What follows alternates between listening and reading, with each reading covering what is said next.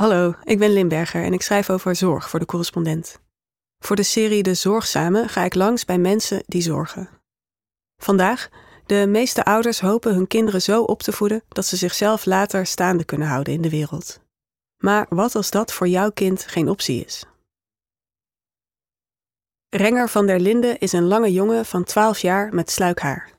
Hij heeft een fascinatie voor wasmachines, een verstandelijke beperking en autisme. Sommige dingen kan hij heel goed.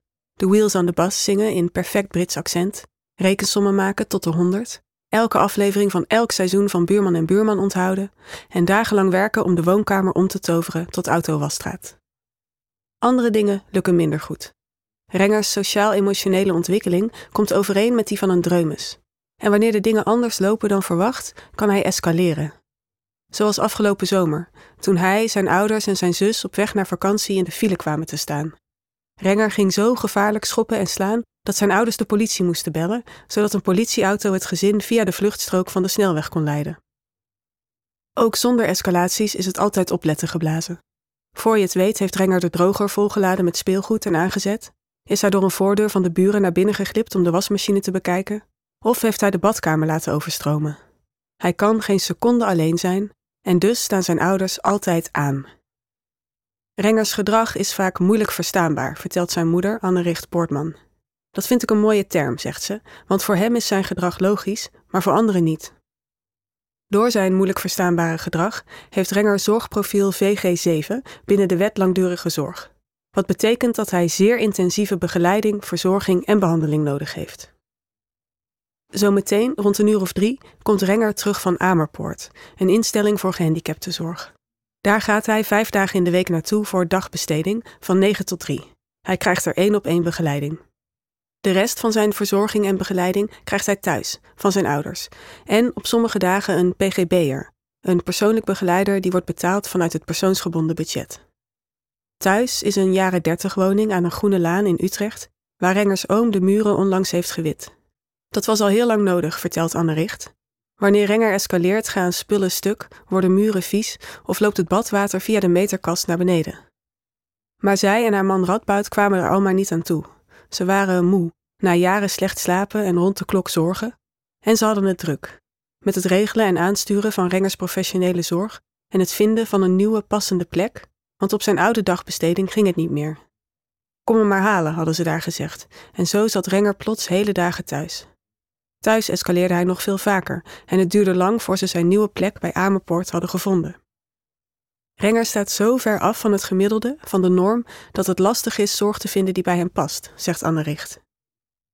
Vervolgens waren ze druk met het overstappen van de jeugdwet, waar Renger eerst onder viel, naar de wet langdurige zorg, waar hij nu onder valt. Met het vinden en aannemen van nieuwe PGB'ers nadat de oude allemaal weg waren gegaan. Het personeelstekort in de zorg, dat merken wij ook, zegt Anne Richt. En ze waren druk met de hele bureaucratische romslomp om Rengers zorg heen. We krijgen soms wel vijf enveloppen op een dag, zegt Anne Richt. En dan is er nog hun dochter, Brecht, die veertien is, en met wie je ook af en toe iets normaals wil doen. De overheid wil graag dat mensen met een beperking of chronische aandoening zo lang mogelijk thuis blijven wonen. Of het nu ouderen zijn met dementie of kinderen met een meervoudige beperking. Anne Richt en Radboud willen hun zoon ook het liefst zo lang mogelijk thuis houden, vertellen ze aan hun eettafel. Want thuis kunnen ze hun zoon geven wat hij nodig heeft om gelukkig te zijn. Een wereld die zo klein en voorspelbaar mogelijk is, bevolkt door mensen die hem beter verstaan dan wie dan ook. Een gezinsverband waardoor hij sociaal-emotioneel nog wat kan groeien. Ouders die jaar in jaar uit op vakantie gaan naar dezelfde zorgcamping, omdat Renger het daar kent en daar meerdere keren per dag met hem naar de campingwasmachine gaan kijken, want daar wordt hij rustig van. Een zus die de filmpjes waar Renger zo van houdt ook heeft gezien en daardoor vaak als eerste begrijpt waar hij op uit is wanneer hij er weer eens eentje naspeelt of nabouwt. Brecht, zegt Radboud, is onze Rengerfluisteraar. En dan nog is Renger ook voor zijn gezin vaak een enigma, voegt hij daaraan toe. Maar hoe groter Renger wordt, hoe heviger zijn escalaties zijn en hoe zwaarder het is om hem thuis te houden. We hebben aan alle kanten zorg, zegt Anne Richt, en toch voelt het voortdurend als watertrappelen. Hoe goed ze ook hun best doen, er komt een dag waarop Renger het huis uit moet, vol tijd naar een gehandicapte zorginstelling. In tegenstelling tot zijn zus, die als min of meer zorgeloze tiener op weg is naar een zelfstandige toekomst, zal hij nooit voor zichzelf kunnen zorgen. Radboud en Anne Richt hopen voor Renger een zo goed mogelijke wereld te bouwen, een omgeving die hem alle zorg geeft die hij nodig heeft. De bel gaat. Anne Richt springt op. Kijk, daar is ons lieve vriendje. Ze loopt naar de gang om open te doen en Renger beent naar binnen. Hé hey Renger, baasje, heb jij een goede dag? vraagt Radboud. Renger knikt. Radboud, ik zal een kopje thee voor je maken. En wat wil Renger straks doen? Renger, de witgoedwinkel. Om Rengers escalaties tot een minimum te beperken, hebben Radboud en Anne Richt hun leven heel klein gemaakt. Elke dag hetzelfde ritme, elke vakantie naar dezelfde plek, zo min mogelijk bezoek aan of van mensen die hun wankele evenwicht kunnen verstoren. Radboud vertelt: Zelfs heel eenvoudige gezinsdingen gaan bij ons niet. Hier in de straat wordt ieder jaar een buurtbarbecue georganiseerd, maar dat kan niet met Renger. Vroeger splitsten we nog wel eens op, maar dan zat de een thuis met Renger en was de ander doodongelukkig door alle smalltalk. Uiteindelijk is het makkelijker om niet te gaan, maar het maakt je wel heel geïsoleerd. Gelukkig heeft Brecht goede vriendinnen in de buurt, zij kan dan wel gaan. En zo weet Brecht zich aan dat isolement te onttrekken, tot grote opluchting van haar ouders. Ook een grote opluchting. Hun dochter is gewoon een puber die soms niet luistert naar haar ouders of ruzie maakt met haar broer. Dat zijn van die normale gezinsdingen, zegt Radboud, en die voelen heel gezond. Renger is ook goed gehecht, wat niet altijd vanzelfsprekend is bij kinderen met dit zorgprofiel. En sinds kort kan hij huilen wanneer hij verdriet heeft, in plaats van alleen maar slaan. Renger blijft zich ontwikkelen, vertelt Anne Richt. Het gaat alleen heel traag en het verloop is grillig. Het regent inmiddels, maar Renger wil toch naar de witgoedwinkel. Regenjas aan dus. Radboud rijdt de elektrische tandem door de brandgangen achter het huis naar de straat. Renger stapt op en samen fietsen ze naar witgoedwinkel Rijnlaan, een zaak vol tweedehands fornuizen, koelkasten en wasmachines niet ver van hun huis. De eigenaar groet Renger en Radboud hartelijk. Vader en zoon komen hier wekelijks. Renger loopt naar binnen en onderwerpt elke machine aan een grondige inspectie. Daarna helpt Radboud zijn zoon om in een grote industriële droogtrommel te kruipen. Zijn benen steken er nog uit en daar in de geborgenheid van de trommel gaat de iPad aan. Meestal staat hij hier een uur, soms langer, vertelt Radboud. Je wordt noodgedwongen boeddhist. Het heeft geen zin om een eigen agenda te hebben, zegt hij. Al doet het wel pijn afscheid nemen van zijn eigen agenda, vertelt Radboud.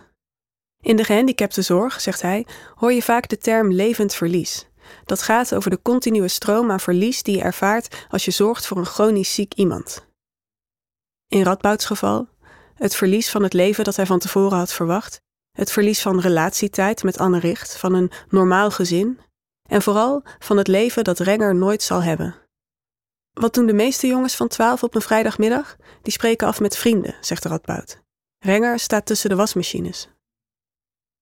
Hij denkt veel na, vertelt Radboud, over hoe het moet als hij en Anne Richter straks niet meer zijn. Dan wordt Brecht waarschijnlijk zijn voogd, zegt hij. Wat hem bezighoudt, is de vraag wie hij dan om haar heen kan zetten, zodat ze het niet alleen hoeft te doen. Neefjes, nichtjes, een partner tegen die tijd? Een frustrerende exercitie die hem confronteert met de eindigheid van ouderlijke vermogens. Zo ver vooruit kan ik de dingen helemaal niet plannen, zegt Radboud. Maar de vrijdagmiddag plannen, dat lukt wel.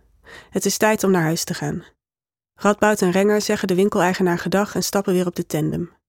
Door de regen rijden ze terug naar huis de avond in. Renger loeit van enthousiasme en zingt heel hard de wheels aan de bas. Kijk, zegt Radboud, hij is blij.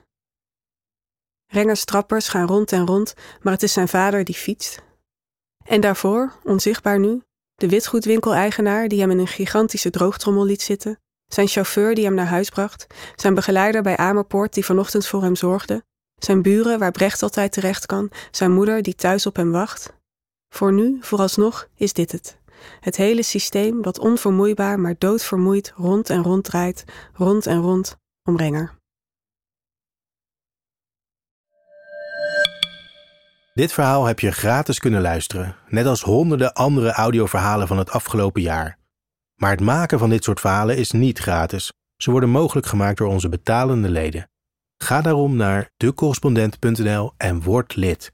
Want onafhankelijke journalistiek is afhankelijk van jou.